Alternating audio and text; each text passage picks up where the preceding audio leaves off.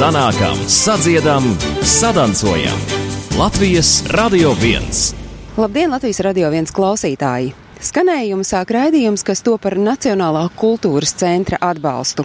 Šodien raidījumā sanākam, sadziedam, sadancojam, uzsvaru liekam uz diviem no šiem trim vārdiem, kas tik spilgti raksturo dziesmu un deju svētkus, proti uz sanākšanu, un sadancošanu. Jo šodien iepazīsimies ar lielisko piecinieku, ar cilvēkiem, kuri strādājuši pie deju lielu uzveduma Māras zeme izveides. Un tie ir horeogrāfi Jānis Purviņš un Jānis Ērglis, tas ir scenogrāfs Reinis Suhānaus un tas ir arī režisors Elmārs Seņkovs. Un šim vīru četrniekam līdzsveram pie pasākuma norises plānošanas savu roku pielikusi Ieva Struka, kura ir scenārija autore. Mans vārds ir Agnese Drunka, un šo stāstu es veidoju pavisam pavisam neilgu brīdi pirms dziesmu un deju svētku sākšanās, dienā, kad kongresu namā vienopus sanākuši deju lieluzvedamā Māras zeme dejojošo kolektīvu vadītāji. Atstājot putnus dziedam Kronvalda parkā dodos iekšā kongresa namā. Ienākot kongresnamā, pirmais, ko es pamanu, tā ir tāda murdoņa, un cilvēki pa pulciņiem, vien pa pulciņiem, vien ir sapulcējušies, un es saprotu, ka tie visi ir deju kolektīvu vadītāji, kur šobrīd aktīvi apspriež notiekošo. Nu, es nezinu par lielisko piecinieku precīzi, bet nu, galvenie virsvadītāji ir Jānis Porviņš, Jānis Ērglis. Nu, cilvēki ar ļoti lielu pieredzi, nu, un cilvēki, kuriem noteikti arī šis lielais pārbaudījums ir pa spēkam. Andris Kivlinieks, jūs esat vairāku deju kolektīvu vadītājs. Kas šodien notiek kongresu namā? Nu, šodien notiek iepazīšanās ar deju zīmējumiem, ar finālu, ar prologu, ar visām lietām, kas plānojas laukumā. Nu, proti, tas, ko skatītājs redzēs, tas, par ko skatītājam elpa aizrausies, to patiesībā sūrā, grūtā un diezgan skrupulozā darbā. Nu, protams, jā, tas nav viegli. Un ko tas savukārt prasa no jums, kā no vairāku deju kolektīvu vadītāja, radīt to elpu aizraujošo skatu? Nu, pirmkārt, pirmkārt, jau dejotājiem tā ir disciplīna, disciplīna un vēlreiz disciplīna. Nu, un visam tam izburties cauri, saprast, apgūt un censties izpildīt. Nu, paldies! Galvenais liksim uzsvaru uz censties izpildīt, lai jums izdodas to izpildīt. Paldies! paldies. Tajā čūpā? Jauniešu dekolektīva Latvijas vadītāja Kristīne Irgensone iznāca ārā no tās telpas, kurā dekolektīva vadītāji mēģina salikt laukuma zīmējumu, lai ko tas arī nozīmētu, ar tādu pamatīgu papīru kaudzi. Kas tas ir un ko ar to vispār tāds dekolektīva vadītājs var pēcāk izdarīt? Šie laukuma zīmējumi ir tas, ko virsvadītāji ir sastrādājuši, lai no tām skatuves variantu dejām uztaisītu lielo laukumu zīmējumu, lai tas izskatītos vienotā uzvedumā. Un kaudzīt tiešām ir pamatīga, bet ja tā kārtīgi visu palas izstudē, un ja dejas mājās samācīts precīzi, liela problēma nevajadzētu būt. Bet, principā, sanāk, ka gatavojoties svētkiem, deju kolektīvam, tas, ko viņi ir līdz šim visu laiku mācījušies, ko viņi ir skatēs dejojuši, principā ir drusku jāizjauc un jāsaliek, lai tas būtu tā, ka skatītājiem Daugavas stadionā lielu uzvedumu laikā elpa aizraujas. Jā, dažas dejas pilnīgi noteikti tiks izjauktas, es jau apskatījos priekšu, bet dažas dejas paliks skatos variantā. Būs varbūt tāda veiksmīga, ka mājās mazāk jāstrādā, kas vairāk dejos to, kas skatos variantā, bet mēs, jā, mēs katrs kolektīvs esam tāda maza, maza sastāvdaļa no tā lielā stāsta. Tā tas notiek. Nu, tad uh, ir atlicis pavisam nedaudz laika, lai varētu teikt, ka nu, mēs esam svētkiem patiešām uz visiem simt procentiem gatavi. Nu, patiesībā Maks dejotāji arī vadītāji svētkiem sen ir gatavi. Viņi sen nobrieduši un šito mazo, un, bet nozīmīgo darbu, es domāju, mēs ar problēmām katrs mājās izdarīsim. Un es tiešām aicinātu visus savus kolēģus padarīt to mājas darbu mājās, lai virsvadītājiem būtu krietni vieglāk pēc tam vēl Daugavas stadionā. Paldies! Tātad, nu, jūsu uzdevums stundu iepriekš izveidot šo bildi, motivēt puišus laicīgi ierasties deju laukumā un izveidot šo bildi. Pēc tam viņi ir uz stundu brīvi, kā jāatstāstīja viens zvans, otrs, trešais piepildās skatītāju rindas.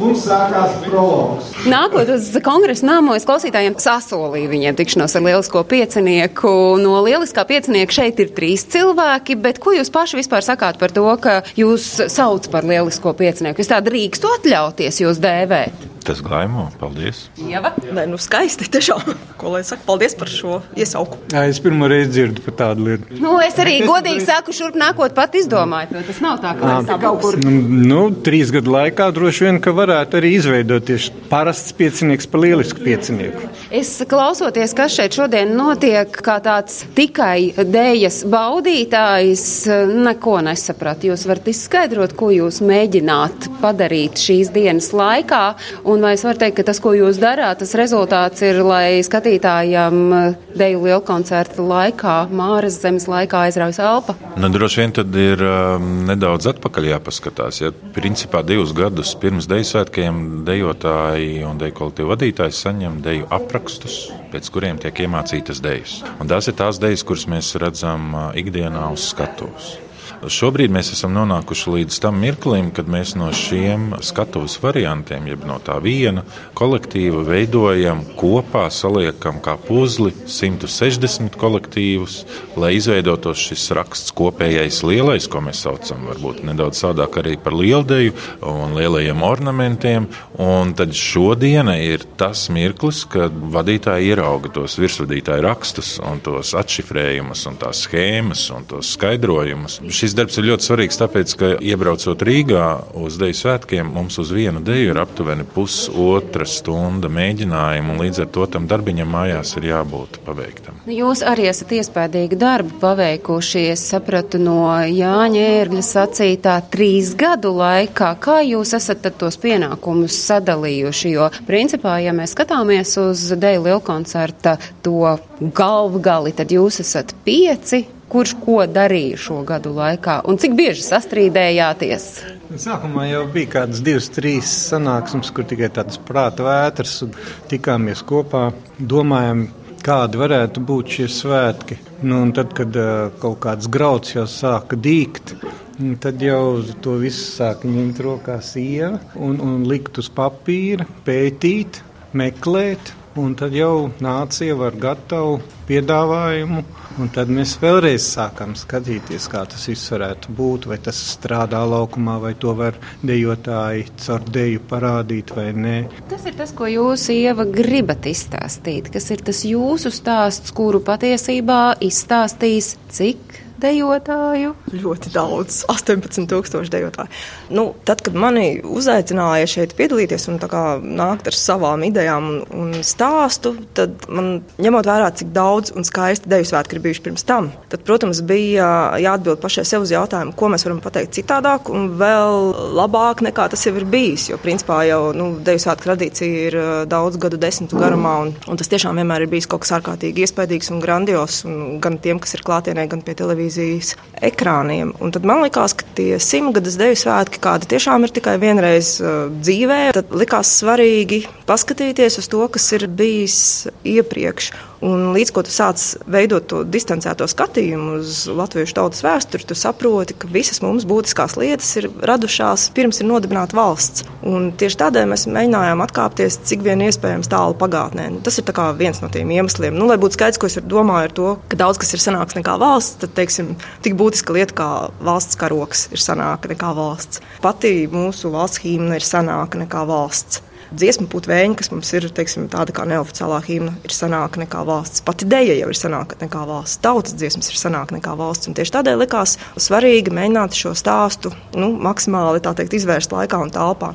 Bet tas otrs iemesls, par ko šodien nākot šurp arī domāju, ka tajā brīdī, kad tu skaties uz to, kas notiek Latvijā šeit un tagad, tad šis skatiens nevienmēr ir optimisma pilns. Jo tu nevari teiksim, arī runāt par šodienu tikai optimistiski, jo mums notiek arī ļoti daudz diezgan neiedzīgu lietu, nenoliedzami. Bet tad, kad tu ieraugi jebkuru notikumu, arī bēdīgu vai traģisku notikumu ar laika distanci, tu redzi, ka mēs no šiem notikumiem esam iznākuši patiesībā stiprāki un gudrāki, un mēs vienmēr esam pratuši izdzīvot. Un tādēļ man liekas, ka distance ir ļoti būtiska lieta, un ka tiešām mēs ieraugam to tautas spēku kopumā. Ja mēs skatītos teiksim, uz pēdējiem 50 gadiem, tas būtu daudz pesimistiskāks stāsts nekā tad, ja mēs mēģinām paskatīties uz desmit gadsimtiem.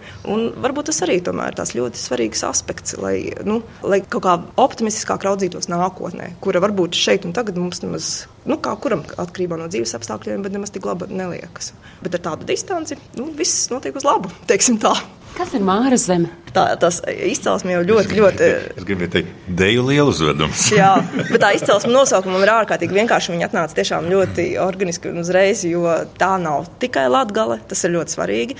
Šī, mēs varētu teikt par Latviju, ka tā ir dievzemīte, kā nereti dziesmās saka. Mēs varam teikt, ka tā ir laimes zeme, mēs varam teikt arī, ka tā ir māra zeme. Bet māra iemieso šo miesisko dievu pasargāto pusi, kas atbild tiešām par šo vielisko pasauli. Nevelti mums ir tik daudz mātes, un tās visas patiesībā ir māras izpausmes. Meža māte, lauka māte, veļu māte, jūras māte, tās visas ir māras. Un uh, dēļa, vismaz manā uztverē, saistās ar ļoti, nu, tiešām arī vielisku un ķermenisku izpausmi. Teiksim, varbūt pretēji dziesmai, kas ir kaut kādā ziņā, šis balss plūdums ir kaut kas efemērs, viņu nevar tā noķert. Bet šeit ir gars, kājas, rokas, augums, stāvs, tautas tērps, kurš nu, ir tiešām te kur veidojas ornamentu raksti, tieši veidojas no dzīvā cilvēka. Un tādēļ tā ir Māras zeme. Jūs esat uh, tie cilvēki, kuru rokās vairāk vai mazāk ir tas, kas notiks un kā tas notiks uh, Deju lielkoncerta laikā. Tas būs Daugavas stadionā. Vai jūs katrs zināt, kur jūs atradīsieties tajā brīdī, kad aizies prologs un kad sāksies koncerts? Un vai jūs varat noraksturot, zinot jau iepriekšējo pieredzi, kas ar jums tajā brīdī notiek? Ir zināms, jā, fiziski, kur mēs atradīsimies, ir zināms. Tas ir uzreiz. Purviņš. Jānis Purviņš atradīsies blakus Jānim Ērglim, un mēs abi divi atradīsimies uzreiz aiz virsvadītājiem, tādā klusā stūrītī. Tagad centrā vai klusā? Klusā stūrītī centrā.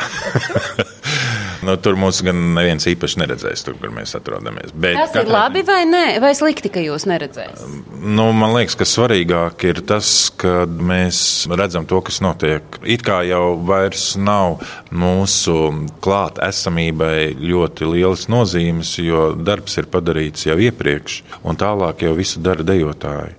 Un tas, kā tas viss izskatās kā tas atdzīvosies, kāda būs tā emocija, tā ir tikai un vienīgi atkarīga no, no pašiem dejotājiem.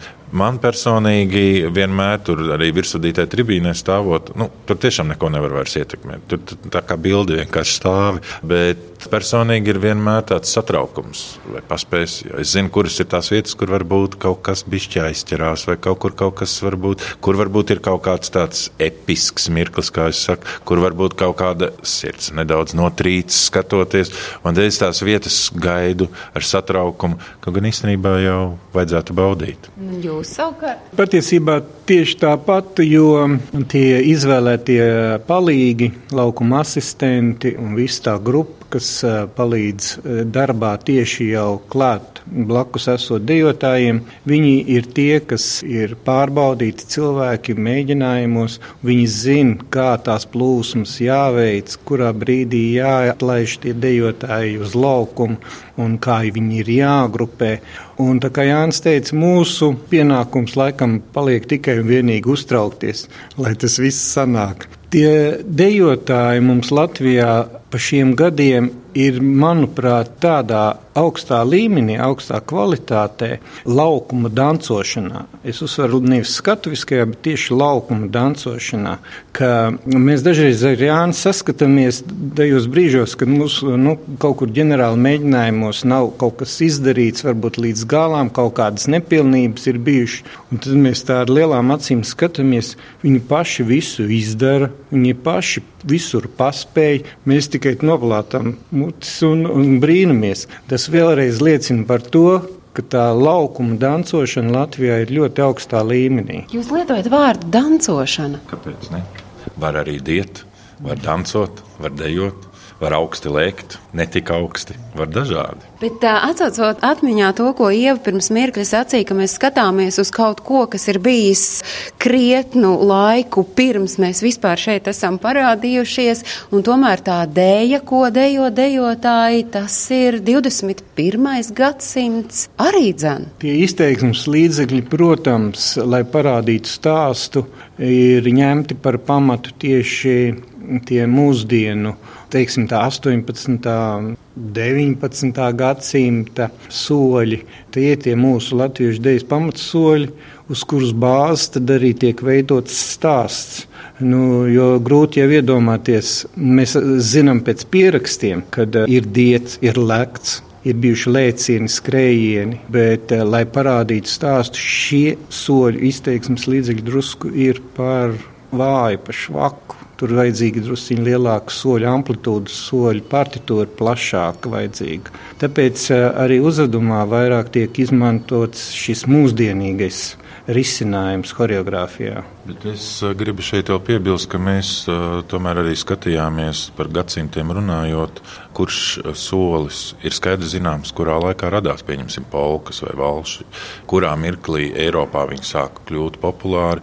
Līdz ar to mēs mēģinam izvairīties, lai uh, 12. un 13. gadsimta sadaļā, pieņemsim, parādītos šie soļi. Mēs tomēr ņemam tās bāzes soļus, kas ir tas gājiens, tas ir jau tagad profesionālā valoda gājiens, teciņš, lēciens un šo soļu virknējumu. Katrā daļā tomēr ir tā atšķirība arī augošā secībā, attīstības secībā. Tas viss. Ieskanās kaut kādi ļoti profesionāli termini. Jūs, Ieva, pati esat dejotāja? Jāatzīst, ka nē, es esmu dziedātāja, tā kā man arī šis ir skats no malas un pirmreizīga pieredze. Es jau jautāju, jūs par kaut ko lauzāt šķēpus, bija kaut kas, par ko jūs strīdējāties, vai jūs tādi vienotā dziesmā, tādi bez pilnīgi kādiem strīdiem esat nonākuši pie tā, kas būs Daugavas stadionā?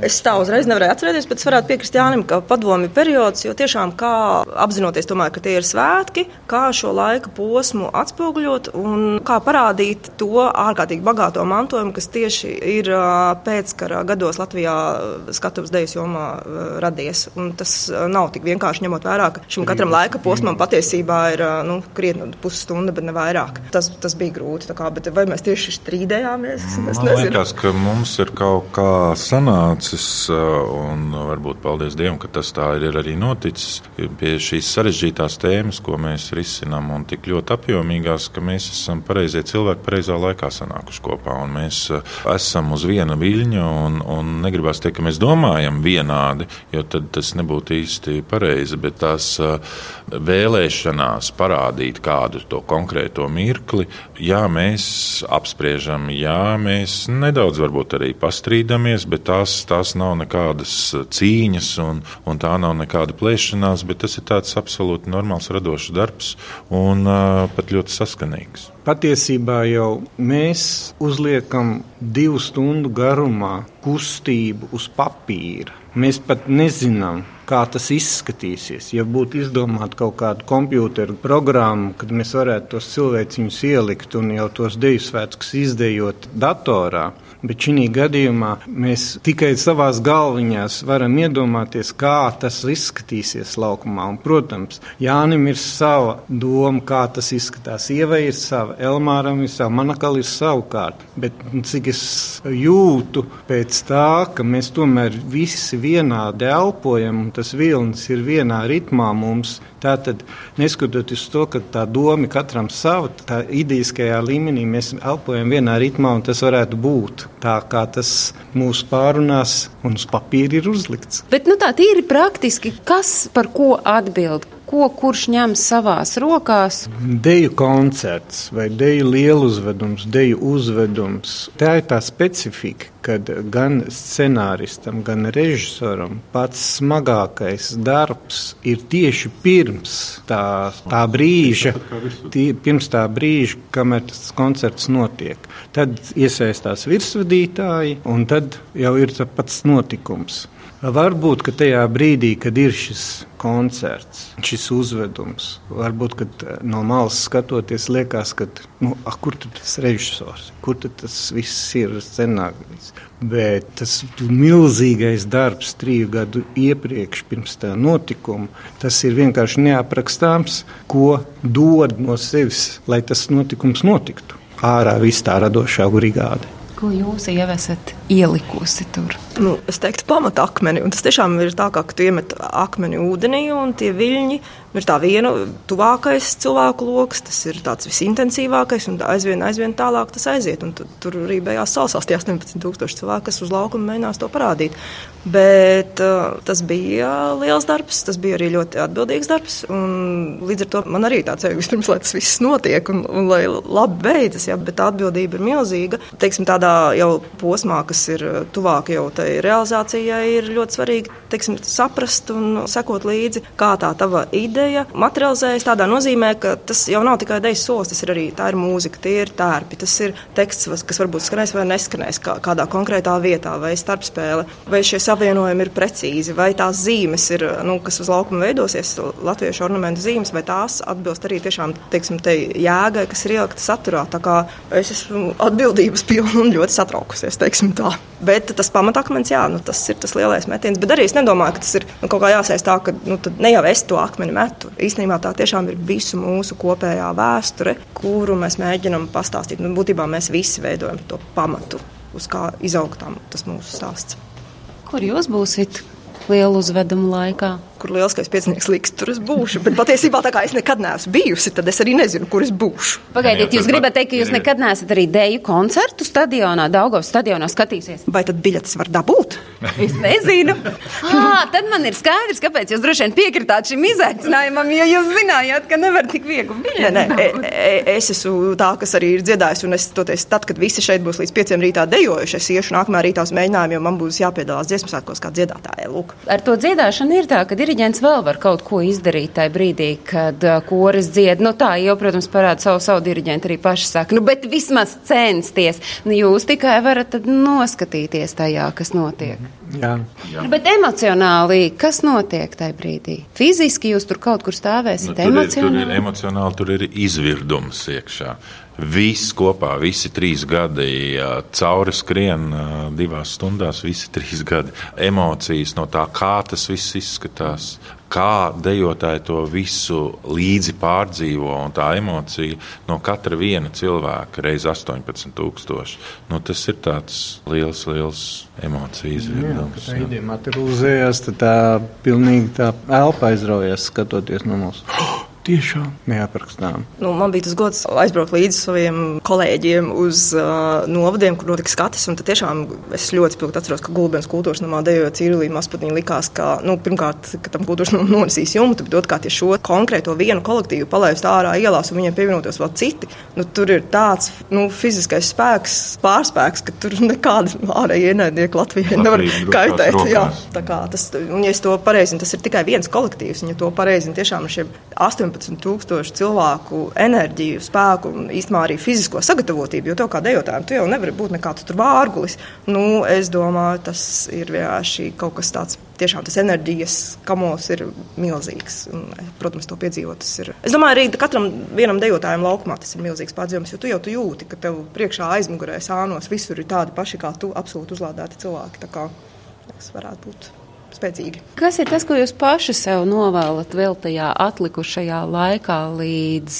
tam brīdim, kad dziesmu un dēļu svētki kulminēs, kad Daugavas stadionā notiks šis spēka, emocionāli jaudīgais rituāls? Nesaslimt. Galvenais, lai ir tā enerģija. Jo tajā brīdī, kad sāksies jau viss šis mēģinājuma process, jau vairs nebūs laika kaut kādiem sīkumiem, ne ēšanai, ne dzeršanai. Dzīves sīkums. Gulēšana arī. Gulēšana arī būs jāaizmirst. Un galvenais, lai ir enerģija. Tās trīs dienas, tās pašas galvenās dienas, kad notiek šis mēģinājuma process, jau līdz ģenerāla mēģinājumam, to izturēt, maksimāli koncentrēties.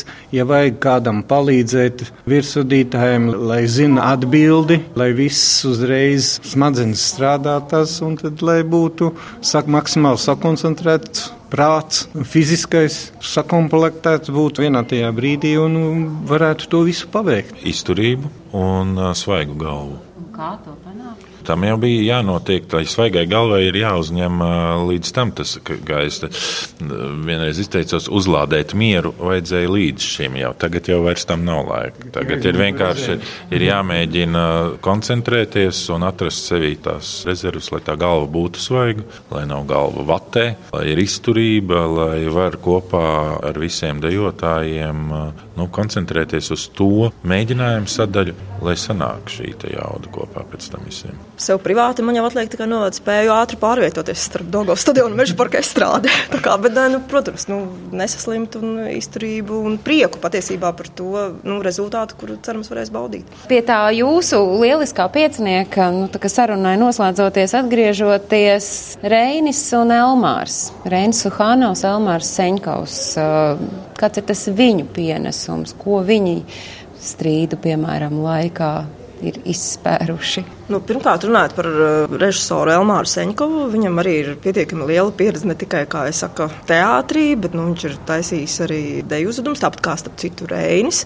Un es domāju, ka to nu, Jāņa var man iebilst, bet principā Elmārs ir arī ļoti nu, saku, atbildīgs par to, lai tā ideja materializētos un lai to lielo zīmēm, kas nav tikai ornaments gal galā, bet tomēr arī dažādas citas norises, kas jāparāda, lai to vispār varētu nu, nolasīt un vizuāli saprast. Un tas ir cieši saistīts, protams, arī ar scenogrāfiju. Un būs ļoti daudz dažādu scenogrāfisku elementu, jeb rekvizītu ar dažādiem segvārdiem, kurus visus nevar atklāt bet kas veido šo, nu, patiesībā es teiktu, dabas klātbūtni. Jo Latviju bez dabas parādīt nevar, bet kā parādīt dabu Daugavas stadionā, nu, tas būs tas viņu veikums. Un es domāju, ka runājot vēl par režiju, ka tas ir, nu, kaut kādā ziņā tas viss tomēr ir kopdarbs. Kā tam stāstam piešķirt pacēlumu, atkritīju un atpakaļ. Mazu pauzi, atkal intensificēt, teiksim, kaut kādu nu, vēstījumu. Jā, tā, kā, nu, tā ir tā režisora funkcija, man liekas, tomēr tādā deju uzvedumā pirmām kārtām. Bet, nu, jāņem, protams, ir neatsverama pieredze,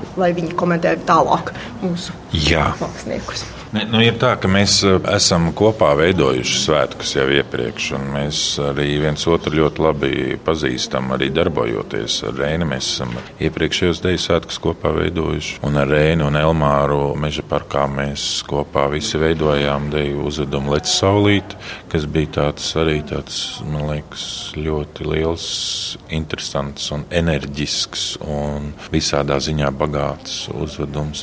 Tā kā tās lietas varbūt brīžiem ir tā, ka Mēs jau kaut kur tās savas robežas nedaudz pārkāpjam, tās savas profesijas robežas, mēs jau runājam, pieņemsim, Reinis jau par dejām, varbūt kādu lietu pasaka priekšā, mēs varbūt kaut ko par kādu rekvizītu, vai tur tās robežas vairs nav tik tādas striktas. Mēs vienkārši kopā veidojam šo izrādi, šos deju svētkus, un viens otru papildina vienkārši. Jā, tieši man vārdi. Paldies, ka jūs izbrīvējāt laiku, jo es saprotu, pusstundu nedēļā pirms dziesmu un deju svētkiem eh, dabūt trīs no lieliskā piecinieka. Tas jau ir iespaidīgi, vai ne? Jā.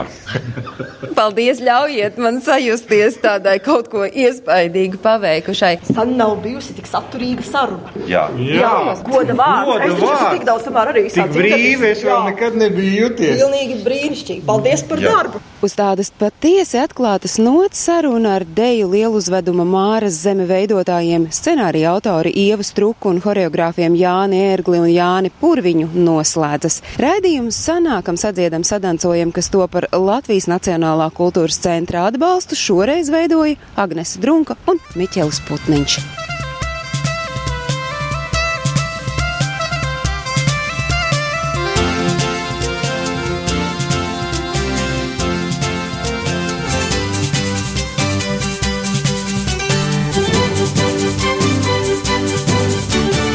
Sanākam, sadziedam, sadancojam! Latvijas Radio 1.